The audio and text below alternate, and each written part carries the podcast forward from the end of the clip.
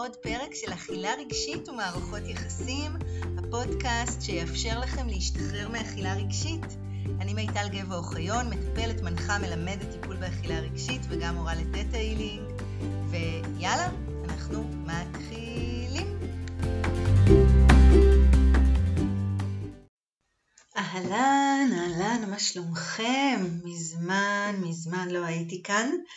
והיום אנחנו הולכים לדבר על לשים רגל להרגל, על המצב הזה שבו עשינו תהליכי עומק ושינויים תודעתיים וכל מיני דברים מהממים קרו לנו בתודעה, אבל עדיין לא הצלחנו לשנות דברים בהתנהגות שלנו. והרבה פעמים העניין הזה עלול להעלות את השיפוטיות העצמית שלנו בשל איזושהי ציפייה שבעקבות השינוי התודעתי יבוא מיד גם שינוי התנהגותי ובאמת אחד הדברים שמעכבים את השינוי מלקרות הוא ההרגל. אז למה הרגלים נוטים להיות כאלה דביקים, כאלה עקשניים? אז על זה אנחנו הולכים לדבר היום. אה, ואנחנו ננצל במובן הטוב של המילה את המפגש הזה, את הפודקאסט הזה, אה, לשיח ושינוי הרגלי התנועה שלנו. אז מה הם בכלל הרגלים? אז בואו אה, נעשה התנסות דרך הגוף. אני מזמינה את מי שמאזין לי לשלב את כפות הידיים שלך או שלך, אוקיי? בתנאי שאתם לא נוהגים כמובן. איך זה מרגיש? רגיל, נכון? עכשיו בואו תשלבו את כפות הידיים שלכם, את אצבעות כפות הידיים, בדרך ההפוכה, לא זאת שאתם הולכים עליה בדיפולט. איך זה מרגיש עכשיו? אוקיי? הבנתם?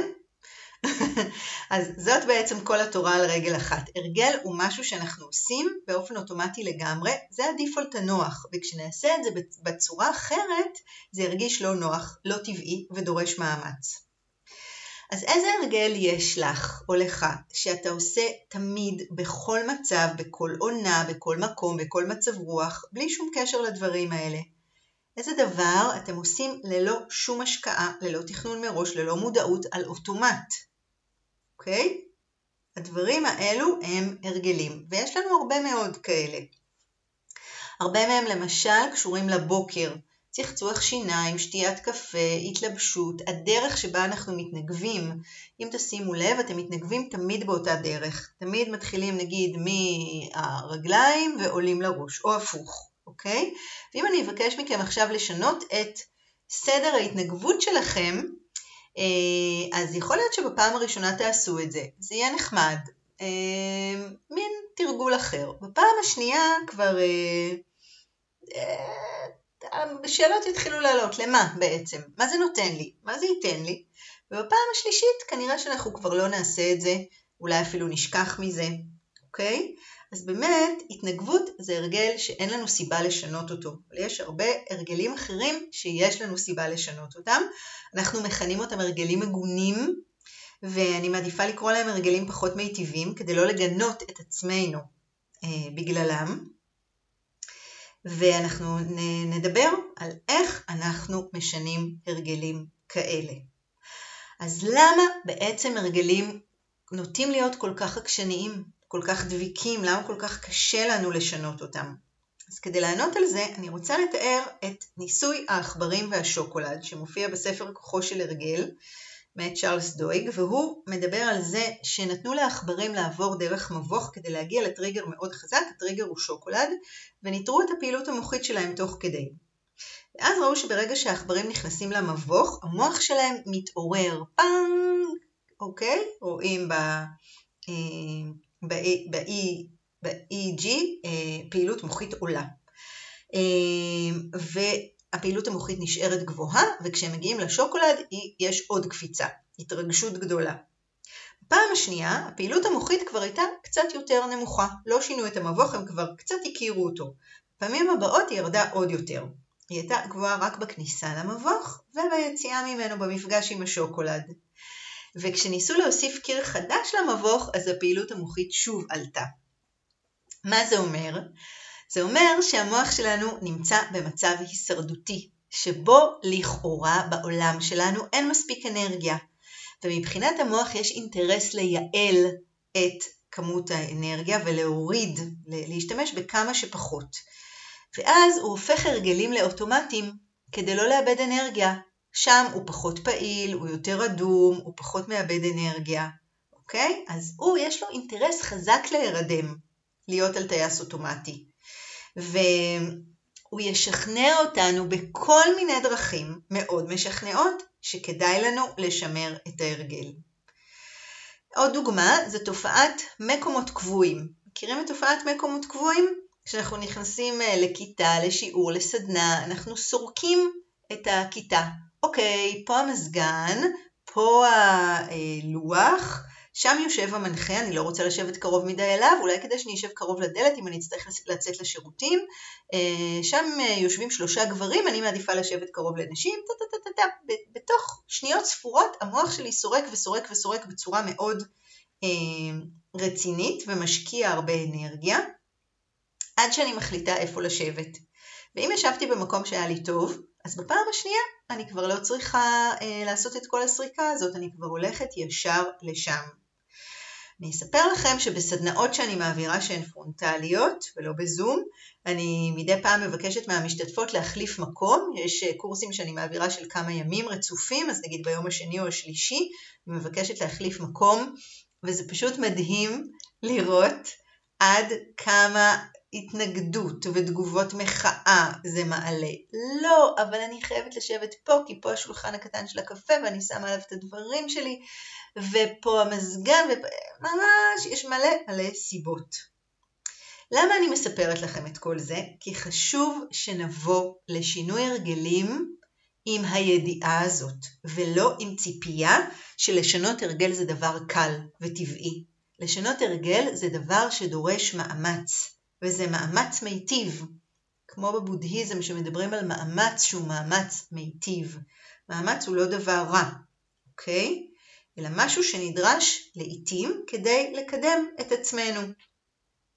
ובנוסף, אני רוצה שתזכרו שמוח חי ופעיל ועובד ומשקיע אנרגיה נוטה פחות לדמנציה, יותר, פחות לאלצהיימר, הוא יותר יצירתי, הוא יותר יוצר, ויצירה זו סיבה מעולה לקום בבוקר, זה משהו שנותן המון המון משמעות. ויקטור פרנקל, דרך אגב, בספר שלו האדם מחפש משמעות, דיבר על הגשמה ועל תרומה לאחרים בתור הדבר שחיזק את הרצון לחיות. אה, ואפשר לחלק מהאנשים בשואה לשרוד. אז זה רגע ככה לגבי הרגל. עכשיו בואו בוא, אה, נדבר על מה ויקיפדיה אומרת על מה זה הרגל. אז ויקיפדיה אומרת ככה, הרגל הוא פרט התנהגות שגרתי שחוזר על עצמו באופן סדיר, שנוטה להתרחש באופן בלתי מודע או יכול להיות מתוכנן. דוגמה להרגל יכולה להיות פתיחת חלון בבוקר או אכילת ארוחת צהריים בשעה מסוימת קבועה, פעמים רבות האדם אינו שם לב לפעולות שהוא עושה מתוך הרגל, משום שפעולות שגרתיות מצריכות פחות מודעות עצמית. התנהגות חדשה יכולה להפוך לאוטומטית ובכך להפוך להרגל. אז בואו רגע נדבר על הרגלי אכילה פחות מיטיבים, לפני שנעבור להרגלי תנועה. אז איזה הרגלי אכילה פחות מיטיבים יש לך או לך? ואני מוצאת שבהרגלי אכילה יש לנו הרבה פעמים צימודים, אנחנו מצמדים הרגלים וזה הופך בעצמו להרגל. כמו למשל ההרגל של מתוק אחרי האוכל. בה יש ארוחה, אחריה בא מתוק. קפה צמוד לעוגה. כניסה הביתה צמודה להליכה למקרר, אוקיי?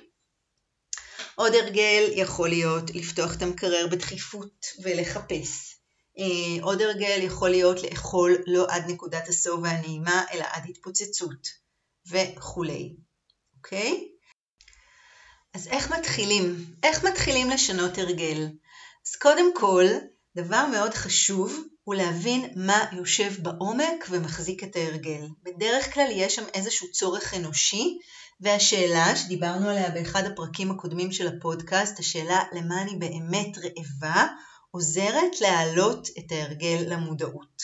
למשל, אני אתן דוגמה של אה, מטופלת שלי שהיה לה הרגל לפתוח את המקרר כשהיא הייתה נכנסת הביתה בערב אחרי עבודה מאוחר, ברוב המקרים כשהיא לא רעבה, ולאכול משהו.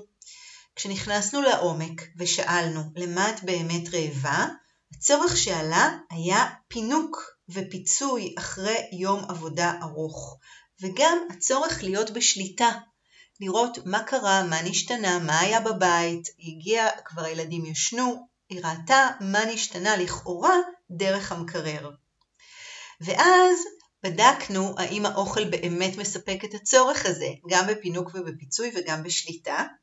התשובה הייתה לא, פחות, אה, ומצאנו פינוק שהוא לא אוכל עבורה, שהיה, היא מצאה אותו, אני רק ככה ליוויתי, היא מצאה את הפינוק של תמרוקים ושמני גוף כאלה של מקלחת ואחרי מקלחת, והחליטה ממש לקנות לעצמה ערכה כזאת של כל מיני שמנים מפנקים לאמבטיה, אה, ולאפשר לעצמה את זה, וממש לשנות את ההרגל של במקום לפנות שמאלה למטבח ולמקרר, לפנות ימינה מיד כשהיא נכנסת, למקלחת, לאמבטיה, לפינוק הזה. אצלה זה עבד מעולה. לגבי השליטה, אה, גם יצרנו, היא יצרה איזשהו אה, הרגל אחר, שבו היא מדברת עם הילדים, אה, מוצאת את החמש דקות לדבר איתם אחר הצהריים באיזה אפילו שיחת וידאו כזאת, לדבר עם בעלה, לשמוע שהכל בסדר, או לדבר איתו מהדרך הביתה, כדי להבין מה היה אחר הצהריים ובערב, ולא להצטרך את השליטה הזו שהאוכל בעצם בא אה, כאילו למלא את הצורך בה אה, או להלחש אותה. כמה זמן לוקח לשנות הרגל? אז גם בתרבויות המאוד מאוד קדומות וגם במחקרי מוח הכי חדשים מדברים על אותו דבר, 21 יום, כפולה של 3 ו-7, זה הזמן שלוקח לשנות הרגלים. אה, בספרים של דוקטור טל בן שחר, שחוקר פסיכולוגיה חיובית ושינוי הרגלי חשיבה אה, הוא נותן דוגמה, הוא נותן דימוי של נתיבי תחבורה, כמו נתיבי תחבורה במוח. כשיש לי הרגל שעוד לא יצרתי, אז הוא כמו שביל עיזים, דק, קצר, תלול, אנחנו בדרך כלל נבחר לא ללכת בו. לעומת זאת הרגל מושרש חזק הוא כמו אוטוסטרדה עם חמישה נתיבים, שבעה נתיבים לכל כיוון.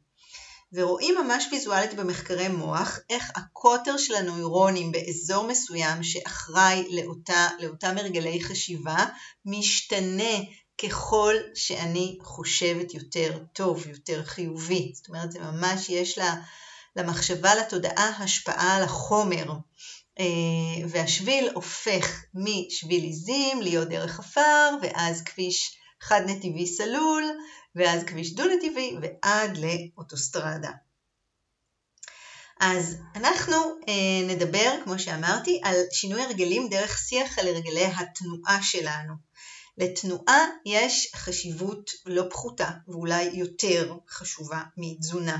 יש לה המון יתרונות, המון עשרות אלפי מחקרים, מאות אלפי מחקרים חקרו אפקט של נטילת תרופות מכל מיני סוגים למול אה, פעילות גופנית, החל מסוכרת ועד אה, נוגדי דיכאון וחרדה, אני אגיד את זה בשקט שחברות התרופות לא ישמעו, וגילו שיש אותה השפעה ולפעמים השפעה יותר מיטיבה לפעילות הגופנית, בלי כמובן תופעות הלוואי שיש לתרופות. אז בואו נתבונן בהרגלי התנועה שלנו דרך משקפי המאכל. מה מתי, איך, כמה ולמה אני נעה. אז מהי התנועה המועדפת עלייך? מוזמנת רגע לחשוב מבין כל אה, שיטות התנועה, וזה כמובן משתנה מזמן לזמן, אפילו לפעמים משבוע לשבוע. מהי כרגע התנועה המועדפת עלייך? מתי, מתי את עושה את אותה תנועה, אוקיי? האם זה בבוקר, האם זה בערב, האם זה חוג שמתקיים בשעות מסוימות, האם את עושה את זה כשיש לך זמן. איך את עושה את התנועה הזאת? האם את עושה אותה בכיף ומחכה כבר לפעם הבאה? או שזה מרגיש כמו מטלה נוספת, עוד משהו שצריך לסמן עליו וי ביום יום. האם את אה, נהנית מהתחושה של אחרי או גם מהתחושה של בזמן? אז זה האיך. אה, עוד משהו באיך זה האם את נכנסת בגוף שלך, נכנסת באם אימא שלו, או רק באימא שלו, ואת הולכת יחד איתו, אוקיי? האם זה נגדו או איתו. הכף של המאכל, כמה את עושה את התנועה הזאת, האם זה על בסיס יומי או יותר מרווח, כמה זמן כל פעם, האם את מרגישה שמה שאת עושה מספיק, או שאת במרדף אחרי עצמך לעשות עוד. והלמד היא למה את נעה. האם זה בגלל שאת חייבת, או כי את רוצה, כי כיף לך, כי בא לך. ועכשיו, אחרי שענינו על כל הסעיפים האלו, מה, מתי, איך, כמה ולמה, אני מזמינה אותך לסמן לך אזור מסוים או אזורים, אה, אות או שתיים מתוך המאכל הזה שהיית רוצה לשנות. איפה את בטוב ואיפה היית רוצה שינוי. אז נניח שסימנתי לי את הכמה, אוקיי? אני עושה פעילות גופנית, אני נהנית ממנה, אבל הייתי רוצה לעשות יותר. אמ, אז כדי לשנות את ההרגל, שבו אני עושה היום מעט, ואני לא מוצאת לזה זמן, וגם כשאני יוצאת, אני, אני יוצאת להליכה, אז uh, אני לא עושה את ה-50 דקות שאני רוצה, אלא רק את ה-20 דקות. אז חשוב שאני לא אלך למשהו רחוק מדי ממה שקורה אצלי כרגע. זאת אומרת, אני אצור שינוי קטן. היום אני עושה 20 דקות, אני אוסיף עוד 5. אוקיי? אני אלך 25 דקות. אם למשל אני רוקדת, הייתה לי מטופלת שהייתה רוקדת בבית, שמה מוזיקה ורוקדת פעם בשבוע. אז שאלתי אותה כמה זה ירגיש לה קל. כמה זה ירגיש לה שהיא יכולה להוסיף על הפעם בשבוע הזאת, וזה יהיה שינוי שהוא כמעט בלתי מורגש, baby step. אני מאוד מאוד מאמינה ב baby steps. אה, וסיכמנו שהיא רוקדת עוד פעם אחת בשבוע. אה, הייתה אה, מישהי אחרת שהציעה שהיא תרקוד שתי דקות ביום. שתי דקות, לשים שיר, לתת לספוטיפיי לקחת אותך לעוד שיר ועוד שיר, כמה שנכנס בשתי דקות, אוקיי? עכשיו אמרתי לה, אם את מרגישה שבא לך יותר, אחלה, אבל הסיכום שלך עם עצמך הוא שתי דקות ביום. עכשיו, כדי שזה יקרה, אז קודם כל באמת baby step. דבר שני, הנאה. מאוד מאוד חשוב, בעיניי הכי חשוב בתנועה זה הנאה. גם תוך כדי ולא רק אחרי, אחרת זה לא יחזיק מעמד. כמו שאמרנו, זה יהפוך לעוד מטלה ביומיום שלנו. וכדי שנוכל לשמר את ההרגל, דרושים למעשה שלושה דברים. הראשון הוא תשוקה. רצון, הנאה, בא לי לעשות את זה, משהו שיניע אותי לעשות את השינוי, אוקיי? זה שלב שהוא לא שלב ארוך, אני קוראת לאנרגיה של התשוקה לשנות הרגל NRE, כמו New Relationship Energy, כמו התאהבות, אני מתלהבת, אני מתאהבת, אבל זה מחזיק מעמד זמן מסוים, ואז יש שני דברים נוספים שיכולים לעזור. הדבר השני הוא החזקת מטרת העל. לזכור, לכתוב לי, לראות לנגד עיניי את מטרת העל. האם מטרת העל שלי היא בריאות, או שמחה, או חיזוק, או הורדה במשקל, או כלילות, או יותר אנרגטיות, אוקיי? אז זה דבר אחד. והדבר השלישי והאחרון הוא תכנון. בהיותנו כולנו אנשים ונשים עמוסים, עמוסות, התנועה תידחק הרבה פעמים למטה בסדר העדיפויות, ואז יעזור לי תכנון מראש. למשל, להכין לי את בגדי הספורט מראש, לפני שאני הולכת לישון, אם אני מתכננת לצאת להליכה בבוקר, אם אני אקום בבוקר, ואז אני אצטרך לחפש את גרבי הספורט, ואיפה שמתי את הנעליים, ואיפה שמתי את הגוזייה הנוחה, וכזה, זה פשוט לא יקרה, אוקיי? אבל אם הכל מוכן לי ממש עוד מהלילה, אפילו אה, אם אני לוקחת איתי בקבוק להליכה, אז הוא כבר מלא והוא במקרר, זה הרבה יותר קל. אה, אם אני רוצה לרקוד, אז ליצור לי פלייליסט שאני אוהבת כדי לרקוד, לשים לי תזכורת בטלפון, אה, לשים לעצמי פתקים ממש ולשנות אותם מדי פעם, כי שוב המוח נרדם ומתרגל אליהם. כשהוא רואה את הפתק יותר משלוש-ארבע פעמים, זהו.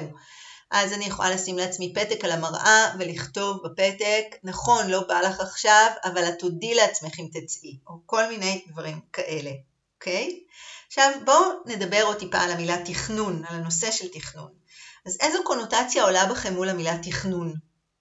אם הייתם שואלים אותי, אני מול המילה תכנון היה עולה בי לפני כמה שנים שעמום וחוסר ספונטניות וחוסר גמישות ומשהו מגביל ולא כיף.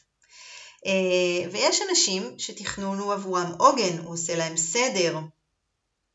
אז אני שמעתי פעם אחת באיזושהי הרצאה או סדנה את הדימוי של אנשים שרוקדים על הגג במסיבה בתל אביב, קומה עשירית, והם רוקדים ושותים ונהנים ואין מעקה. אין מעקה, יכולים ליפול למטה בקלות, אוקיי? ואיך זה מרגיש? לעומת בדיוק אותה מסיבה, קומה עשירית על הגג בתל אביב, ויש מעקה. ואיך זה מרגיש? וזה ממש שינה לי את הגישה לגבי תכנון. כי הגדר הזאת של התכנון היא לא מגבילה, להפך היא מאפשרת, היא יוצרת ביטחון, היא יוצרת חופש לרקוד וליהנות. אז תכנון בעצם מאפשר לי לעשות את השינוי עוד קודם, עוד לפני שהמוח רוצה לחזור לתרדמת שלו, אני יוצרת את התכנון. זה כמו להוסיף לעכבר מבוך, אה, סליחה, קיר באמצע המבוך. אה, ואז המוח מתעורר, ואז חוזרת אפשרות הבחירה, ואז אני פחות על אוטומט. אה, ואני יכולה גם לתכנן כמה שמתאים לי, ולזכור שאני יכולה לתכנן כמה שמתאים לי, ואז תכנון הוא לא משהו שמקצץ לי את הכנפיים, אלא בא לשירותי, לעזרתי, ואני יכולה לשחרר ככה את האמונות והדעות הקדומות שיש לי על תכנון, אוקיי? אמ, אז זה לגבי תכנון. ועוד דבר מאוד מאוד חשוב כדי לשנות הרגל הוא פרגון עצמי. הרבה פעמים כשמשהו לא מצליח לנו, אנחנו חוזרות על המשפטים, אני לא מסוגלת, אני לא מצליחה, אין מצב שאני עושה את זה. אני אספר לכם שבשיעור אה, פילאטיס שהייתי בו לפני תקופה, אה, עשינו איזשהו תרגיל מאוד מאוד קשה עם גליל, כמעט אף אחת בקבוצה לא הצליחה לעשות את מה שהמורה הראתה, ולידי הייתה מישהי שממש אה, כשעשינו את התרגיל הזה אמרה, חזרה שוב ושוב על המנטרה, אני לא מצליחה, זה בלתי אפשרי, אין מצב, אני לא יכולה לעשות את זה, אני לא מסוגלת. ואני uh, התאפקתי, לא אמרתי לה שום דבר, היא לא ביקשה את דעתי, אבל בשיעור הבא, כשעשינו שוב את התרגיל ושוב שמעתי את המנטרות האלה, אמרתי לה, תגידי, בא לך uh, לנסות משהו אחר? הסתכלה עליי, לא הבינה כל כך מה אני רוצה. אמרתי לה, בואי, בואי תגיד, תורידי את הלא. במקום להגיד, אני לא מצליחה, אני לא מסוגלת, אין מצב, תגידי, אני מצליחה, אני מסוגלת, יש מצב שאני עושה את זה, זה אפשרי. והיא כזה גיחכה, אמרה לי, את חושבת שזה ישנה משהו? אמרתי לה, לא יודעת, מה אכפת לך?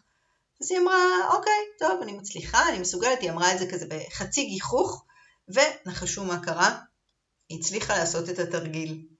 אז אה, כן, מילים בוראות מציאות, אפילו אם אני לא שמה בהם כוונה, ואם אני שמה בהם כוונה, אז זה חזק עוד יותר.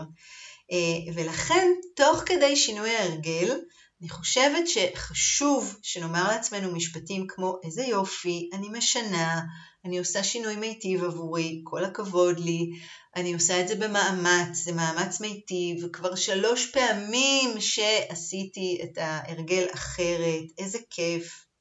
וסחטיין עליי, ממש ככה, ליצור את המציאות הזאת. אז אנחנו מתקרבים לסיום הפרק הזה, ואני אה, כרגיל אוהבת לשלוח אתכם לדרככם עם עינוגי בית. אז עינוגי הבית הם לקחת הרגל אחד, רצוי מתחום התנועה, אפשר מתחום התזונה, וליצור בו שינוי קטן, baby step, בתוך כדי פרגון עצמי, תכנון, החזקת מטרת העל, תשוקה, הנאה, כל מה שדיברנו עליו במפגש הזה, אה, וגם כמובן הידיעה שזה ידרוש מאמץ, שזה ידרוש מאמץ מיטיב, והמאמץ הזה רק עוזר למוח שלנו אה, להיות יותר צעיר וחי.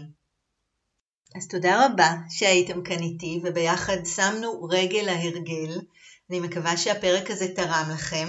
אם כן, אתם מוזמנים אה, לפרגן, לשתף אה, אותו עם מי שחשוב לכם, לדרג אותו, וכמובן אה, להתנסות ולשתף אותי, ואנחנו ניפגש בפרק הבא. ביי!